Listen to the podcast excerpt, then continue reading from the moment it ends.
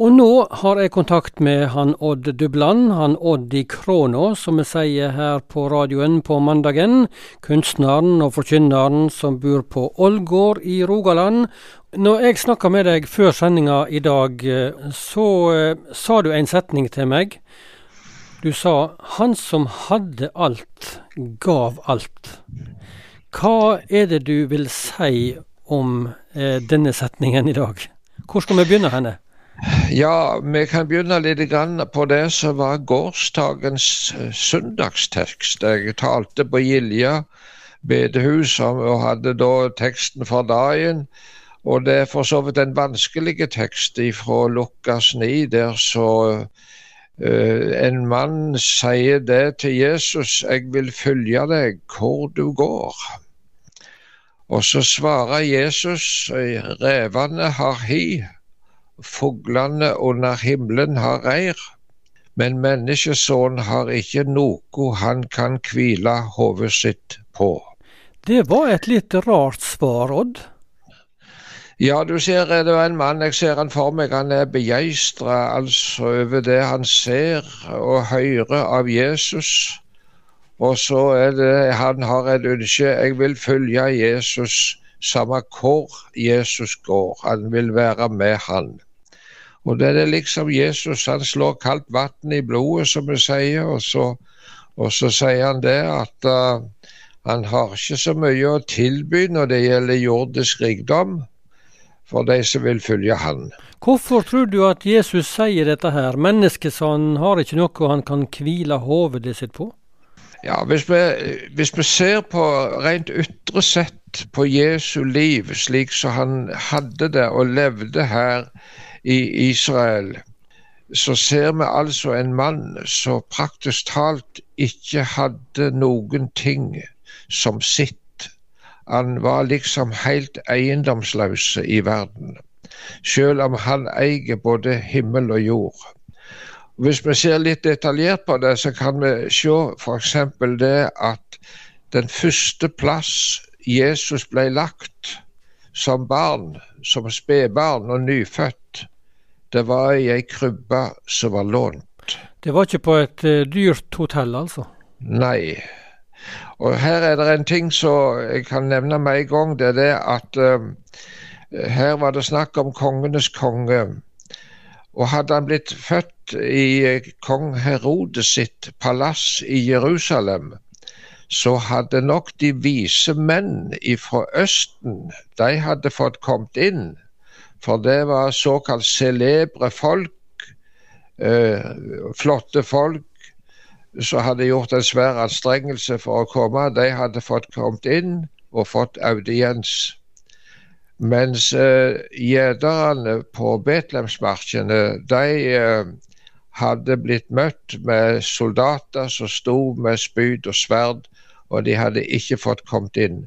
Men Jesus han ble lagt på en plass der du ikke behøver ha fine papirer og audiens for å komme inn. Altså, det, det var ei lånte krybbe. Og han som sjøl, Kristus altså, er livets brød. Han lånte fem byggbrød og to småfisker av en gutt, og ga mat til mange tusen. Og han så er den største, eller var den største av alle predikanter i verden, han lånte en båt når han skulle tale til folket ja, på, på Genesaretsjøen. Ja. Han gjorde det. Eh, det var ikke hans båt. Og når han eh, rei inn i Jerusalem eh, på Asenfolen, så var det en fole som var lånt av en mann i var det Betfage så Jesus åt ikke den heller. Og eh, når han skulle samles med sine den siste kvelden i Jerusalem, så lånte de en sal eh, der de kunne være. Han som himmel og jord har i eie, han låner altså en sal. Og den siste plass de la Jesus, det var i ei grav som var lånt på en fremmed manns eiendom. Altså han åtte ingenting, kalte ingenting for sitt. Hvorfor står det om dette i Bibelen? Nei, altså, det har noe uendelig stort å lære oss. Og så er det det Det eneste vi skulle tro at Jesus kunne kalle for sitt, det var de klær han gikk og sto i. Men sjøl de ble revne av han da han ble korsfesta.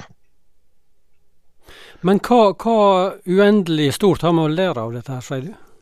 Ja, han sier det, Paulus at eh, for de kjenner vår Herre Jesu Kristi nåde, at han for dykkers skyld vart fattig da han var rik, så det ved hans fattigdom skulle verta rike.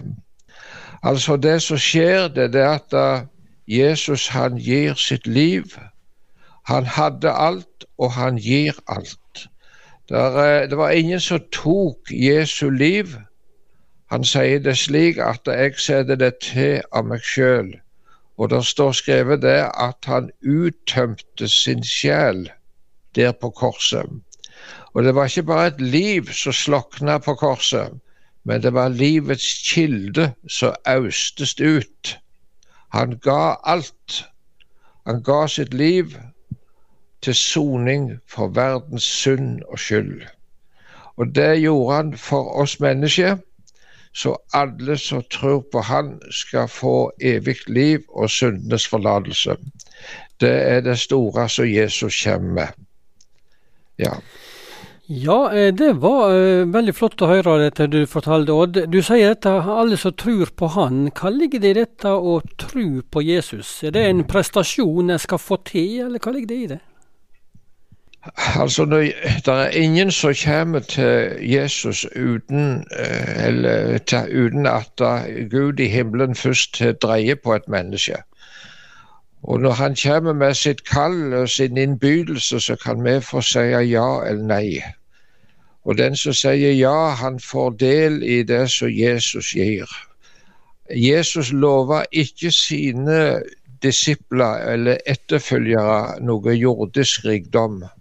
Men han lover oss noe som er mye større, nemlig et evig liv. Og det skal alle få som tar imot han. Det står skrevet der at alle som tok imot han, ga han rett til å bli Guds barn. Så stort er dette.